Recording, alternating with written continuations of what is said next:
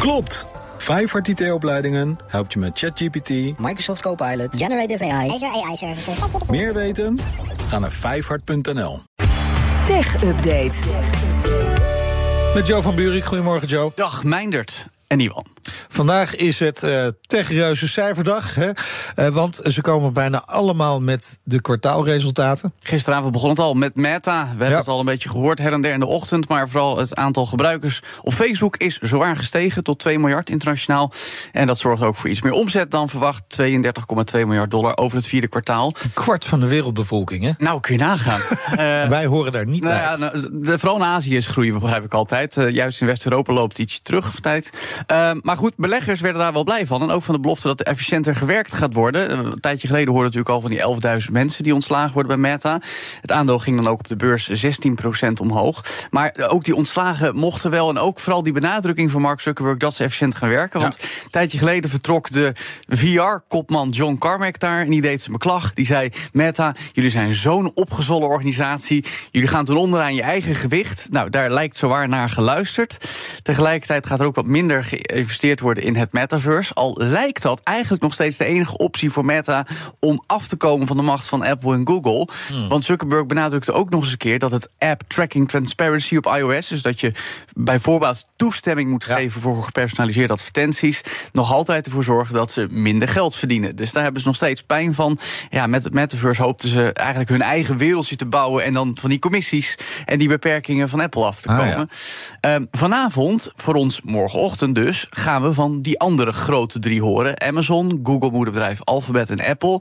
Microsoft was afgelopen week aan de beurt. Bij Amazon werden in november ook 18.000 ontslagen bekendgemaakt. Bij Alphabet iets minder, 12.000. Maar ja, die moeder van Google heeft vooral last heel erg van de afkoelende advertentiemarkt, waardoor uh, een en ander niet meer zo hard groeit.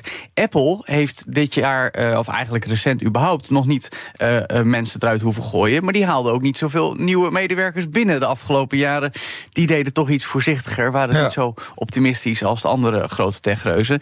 Maar Apple had dan wel weer de problemen met de productie van iPhones bij Foxconn in Daar gaan we ook nog wel wat van merken in de ja, cijfers. Dan misschien wel een uh, techreus in uh, wording. ChatGPT heeft nu officieel een betaald abonnement aangekondigd. Ja, nou dan hebben we het over de maker ervan. Hè. OpenAI, die hebben net ChatGPT Plus uh, gelanceerd. Ja. Ik zie Iwan al driftig Ja, ik zag erbij komen. Ja, 20, moet... 20 dollar geloof ik, hè? Precies. Voor, ja, ja voor, jaar? voor nou, maand. per maand. Oh. 20 dollar per maand voor een, ja, noem het premium, noem het extra. Nou, in dit geval heet het Plus. Het is altijd zo'n labeltje erop als je ervoor kan gaan betalen.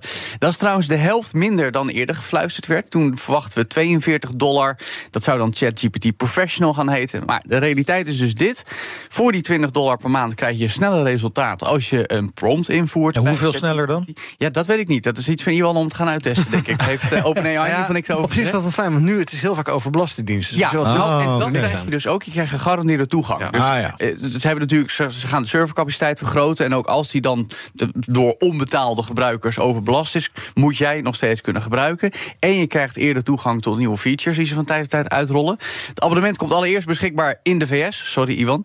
Uh, de komende weken worden de uitnodigingen verstuurd naar de mensen die zich al hadden aangemeld op de wachtlijst. Uh, wanneer de betaalde versie van ChatGPT dan ook in andere landen beschikbaar komt, weten we nog niet. De gratis versie blijft sowieso gewoon beschikbaar. En ja, we weten het alleen al omdat we het elke dag over hebben, maar de cijfers benadrukken dat het in trek is. Want OpenAI heeft aangegeven dat alleen al in januari 100 miljoen mensen Zo. gebruik hebben gemaakt van dit AI-platform.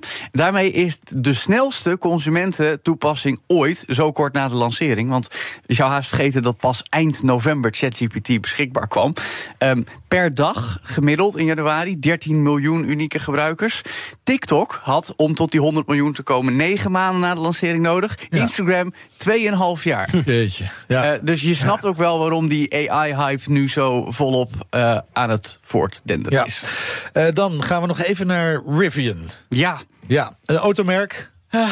Uh, Ja, jij zegt, want jij Ja, hebt, jij hebt je zinnen op een van die auto's Het is, eh, het is- gezet. ik heb een zwak voor dat merk. Ja, ja. Dat jij ook wel een beetje. ja, ik vind, ik, vind, ik vind het een mooi spul. Het is een sympathiek, En, en de, de, de, innovatief bedrijf. ja, nee, zeker. Maar het gaat niet heel goed. Nee, en dat heeft gevolgen. Want eh, na al die opwinding over AI moeten we toch weer over ontslagen hebben. Maar ja, nu bij een iets ander soort te- eh, techbedrijf, want Rivian dus.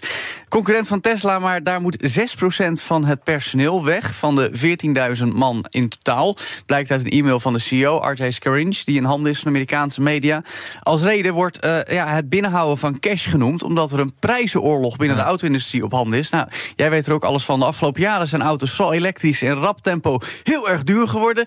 En nu, sinds kort, zien we opeens dat de prijzen verlaagd gaan worden. Bij Tesla, ook bij Ford, onder meer de Mach-E, die opeens een paar duizend dollar eh, minder Ja. eh, vanuit de showroom gaat.